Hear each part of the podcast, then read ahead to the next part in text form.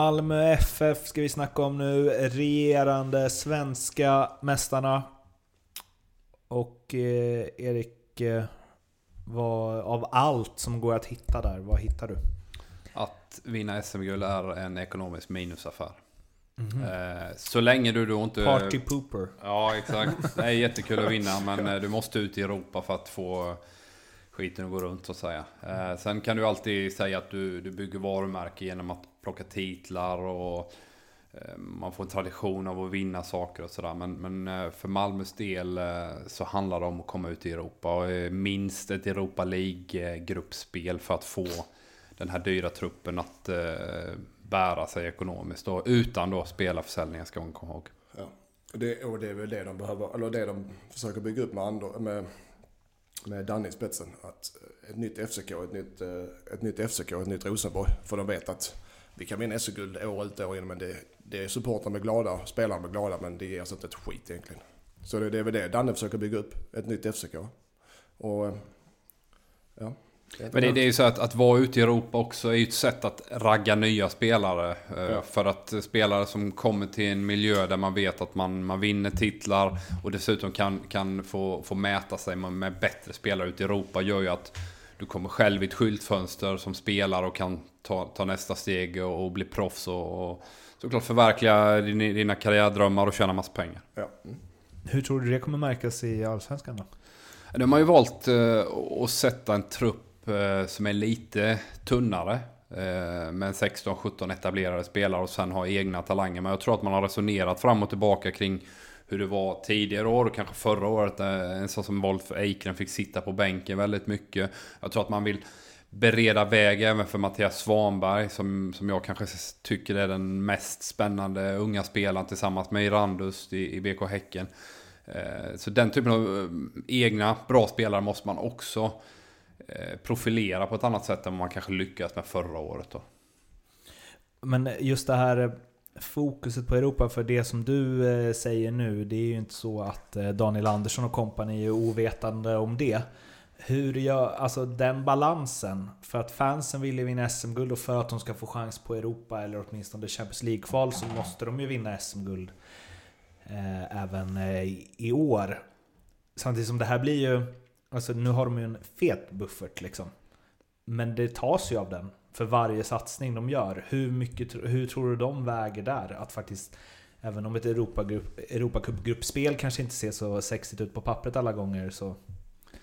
Nej men du, du har ju till om man tar jämför med Östersund så la de ju väldigt mycket krut på att lyckas i Europa. Nu var det första gången de var ute och man kände att man, man vill verkligen maximera möjligheten att gå långt i Europa. Men det gjorde att det då tog ju allsvenskan skada för Östersund. Va? Man får aldrig glömma att, som man säger i England, bread and butter med att grunden lägger man i serien för att skapa möjligheter att tävla i Europa. Så det viktigaste, oavsett eh, vad Danne känner ekonomiskt, är det, det, det väsentliga. Så är det att vinna i serien för att skapa möjligheten att komma ut i Europa. Sen nu är de ju på en sån plattform att de, Europa fixar de varje år oavsett. Men att vinna SM-guld och få nosa och vara med och fightas i Champions League. Det är ju inte lika självklart varje år. Men däremot så har man ju lyckats nu två, tre år i rad. Va? Det var tredje året när man vinner guld. Va?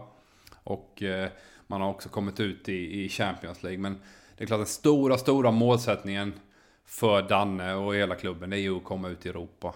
Eh, I Europagruppspel. Andra året i rad blir det va? Andra året, förlåt. Just. Eh, men, ja men i det då?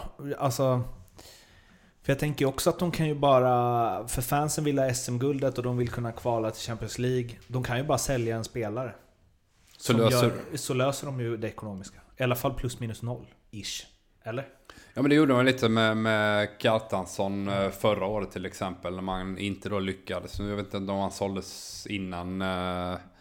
Innan eller efter, jag kommer inte ihåg exakt här. Men, men det är klart att du kan lösa det. Cibicki drog ju också. Det, mm. Annars hade man ju kommit på betydligt mycket mer minus. Så det är ju det är en jäkla lyx att kunna balansera din, din ekonomi med att okej, okay, fixar vi inte Europa så kan vi sälja spelare. Men det gör ju också att du urvattnar din trupp på kvalitet såklart. Va? Så att, I grund och botten så vill man ju inte sälja spelare när man heter Malmö FF om man inte måste. Mm. Så, så det är så, med en sån klubb som Malmö står in så dyra oftast dyra etablerade nyförvärv.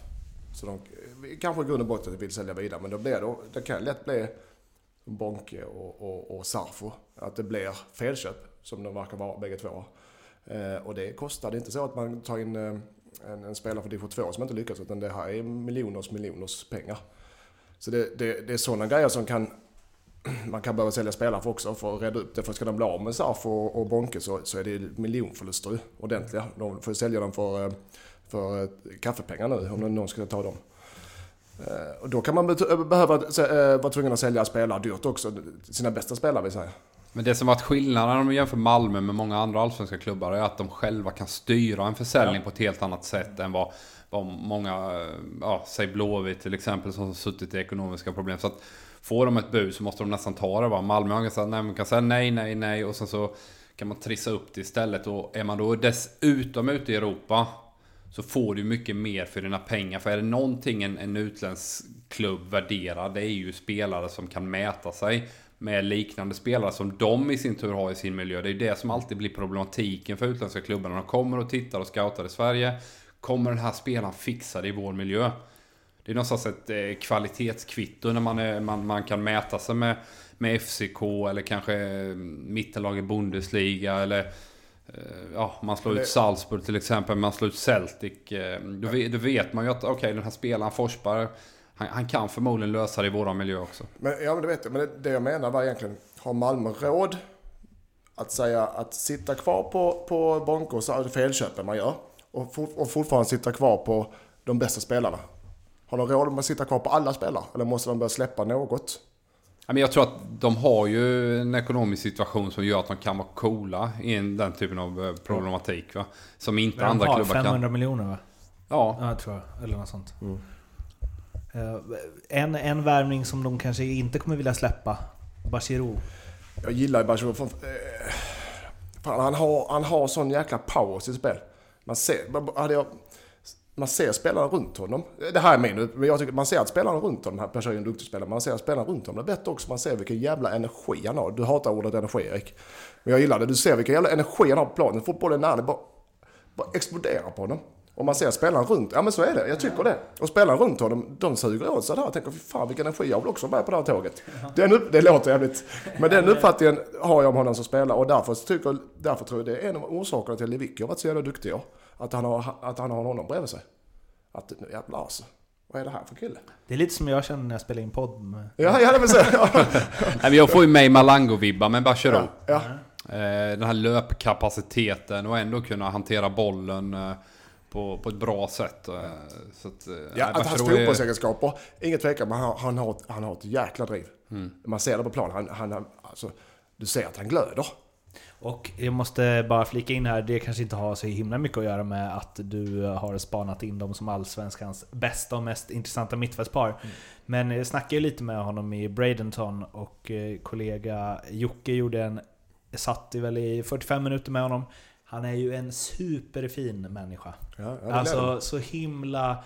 Alltså man märker att han är glad över att ha uppnått det här. Han ja. är liksom han bara ser de positiva grejerna i livet och liksom stark mentalt som bara den tror jag. Han sa det själv i alla fall. Att han liksom, det finns inget som rubbar mig liksom där. Han har ju haft ett eh, distansförhållande med en tjej i Skottland. Alltså, när flyttade han till Östersund? Det är ju liksom fyra år sedan tror jag.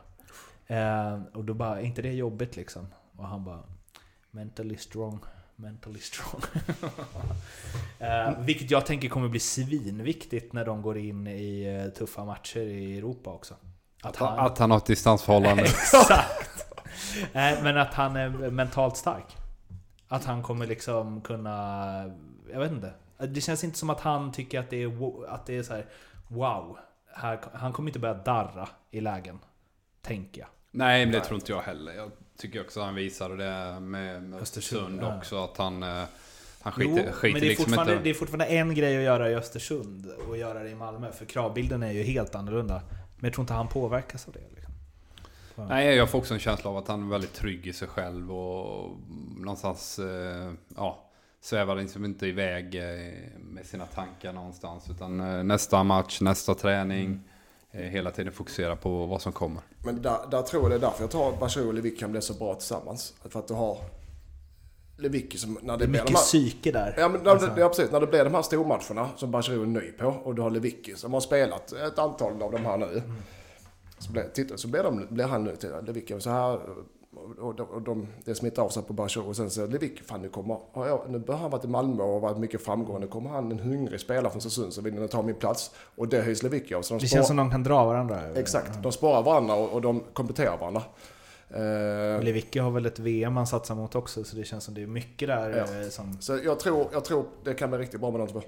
Green och Morton i... eh, Morton, det namnet gillar man ju.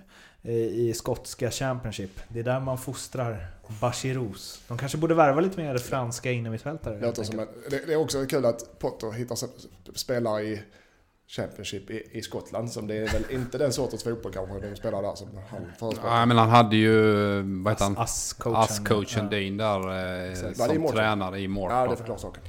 Eh, Ja, min spaning eh, som vi ju får avhandla lite snabbt, du var inne på det Erik, eh, Mattias Svanberg. Återigen, när vi, när vi snackade BP, så, så här, spelare eh, vars bäst före-datum känns så himla... Kommer så himla fort för att de slog igenom så unga. Eh, han fyller ju 20 bast i år. Väl? Nej, han har fyllt 19 i år.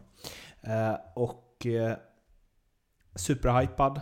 Eh, lite, lite, lite i skuggan av Alexander Isak förstås, men han var, skulle vara den där bakom. Hade det lite kämpigt eh, 2017 efter att ha varit grym i några inhopp 2016. Jag hör eh, eh elaka tungor, eh, säger man så? Eh, som menar på att han är överskattad. Eh, fotbollskännare som tycker det, att han inte alls är så bra som han har målats upp till. Och, ja visst, kanske kan bli en bra allsvensk spelare, men begränsad på vissa eh, i tempo och kanske snabbhet och så. Bättre fotbollskännare än Erik Edman. Eh, då röjer man ju den personen. Nej. eh, vad tycker du då? Nej, jag är, ju, jag är ju väldigt, väldigt positiv till han och hans egenskaper. Och det måste vara en spelare som Malmö måste starta med ja, alla matcher i år tycker jag. Med, med det, den uppsidan. Både på kanten och Ja. eh, där framme. För det var det jag skulle komma till. Han, jag tror att han är bäst centralt alltså. I anfallet. Nej, alltså centralt på mitten. Okej, ja. Eller att han i alla fall ska ha så här Traustatssons, att han ska få gå in hur mycket han vill från kanten. För att han ska spela ute till höger eller så känns inte bra. Nej, jag, så väl känner jag kanske inte honom. Men, men det man har sett så tycker jag han har otroliga kvaliteter och man måste spela med honom. Och det är ju det är, ju- om man pratar om att, profilera spelare för att kunna sälja dem sen så, så, så blir det i den här åldern nu där man, där man måste ha speltid men man måste också kunna ha en ålder så att utländska spelare eller klubbar ska känna att okej vi köper honom, har honom hos oss i två år och sen säljer vi honom vidare. Eh, definitivt eh, potential för 40-45 miljoner om man får speltid. För eh, han var ju central i ungdomslagen liksom. Och det var ju där han, han är väl den enda som har vunnit, eh, heter Skånekuppen va? Mm. Inomhus med tre olika åldrar samma säsong och så. Eh, Skånecupen är en låtsasturnering. Jo, jo, absolut. Men liksom, det var ju som en central spelare som han var grym när han var 15. Liksom. Mm. Och jag... Alltså det är klart, han är väl inte bättre än Bachirou och Lewicki och framförallt en helt annan spelartyp. Men det, jag, jag, jag tycker han... Jag håller nog mer med den andra fotbollskännaren. De jag ska ju komma ihåg att alla, i stort sett alla spelare som kommer fram underifrån är ju centrala spelare. Ja, ja, I, I knattelag och sånt så sätter man ju sina bästa spelare i mitten. Men jag tycker inte han får... Alltså på kanten, han har spelat mycket ute till vänster nu och så. Jag tycker inte att han får max ut av det han kan. Liksom. Jag tycker inte att han är den som drar sin gubbe på kanten och slår ett inlägg. Men Liksom. har de defensiva kvaliteterna och hanterar en- mittfältsposition på mitten? Klarar han det? Det är frågan. Den passar... Det är Ja, men, men, andra sä, sä, nej, men säg att han ska spela på en, eh, en högerkant och kanske när Windhelm och Erik Larsson spelar högerbackar där han kan då vandra in i plan i en offensiv roll i den här ytan. Man säger spelyta två bakom eh, motståndarnas mittfält framför deras backlinje. Komma in där och göra sig rättvänd och sätta fart. Jag tycker, han gjorde ingen kanonmatch mot Östersund men man ser ju ändå att det finns saker där som är spännande definitivt. Och får han lite luft under vingarna tror jag det kan bli en sensation. Trebackslinje, offensiva ytterbackar och sen så Bachirou, Lewicki, Svanberg på centralt mittfält. Tycker jag. Vad, vad tycker vi att de slutar i tabellen då? Jag tror att Malmö kommer tvåa i år. eh. De vinner. Det tror jag också att de gör. Det gör de. Och där har vi ett specialodds från ja. NordicBet. Vi har Erik Edmans säsongsspel. Eh, Marcus Rosenberg gör färre än 10% av Malmös mål. 1,86 har du fått den på den Erik. Det betyder att, hur många mål tror du han gör? Ska vi se om du, jag, får, jag har lite bättre statistik än dig. Kanske. Malmö kanske gör en eh, 65 mål och då gör han eh, 5-6 där. Ja, ja okej. Ja, du hade bra statistik för han gjorde 65 förra året. Eh, ja, jag tror inte den är omöjlig. Jag Mm. tror inte han gör, eh, han gör definitivt inte 10 mål. Eh, Det finns en risk att han hamnar på 7 mål bara för att de ska jävla, han ska jävlas med det. Men en, ja, Jag men hoppas okej. inte han får slå straffarna men det lär han ju få göra. Ja, det får han det. Det var det. På eh, Love the Bet hos NordicBet lirar ni det om ni tyckte att det lät bra. Tja, Mårten här igen. Om ni vill lyssna på övriga lagavsnitt så hittar ni dem förstås på Acast och iTunes som ni eh, alltid gör. Så där har ni alltså alla de här cirka 12 minuters avsnitten med eh, genomgångar av lagen inför allsvenska starten. Ni får jättegärna också gå in på vår Facebook, Ljugarbänken, och likea och delge oss eh, era åsikter kring eh, lagen inför Allsvenskan drar igång den 1 april. Twitter finns vi också på, det vet ni. Likea, prenumerera, sharea, allt sånt där så blir vi superglada. Ha det fint! Ciao!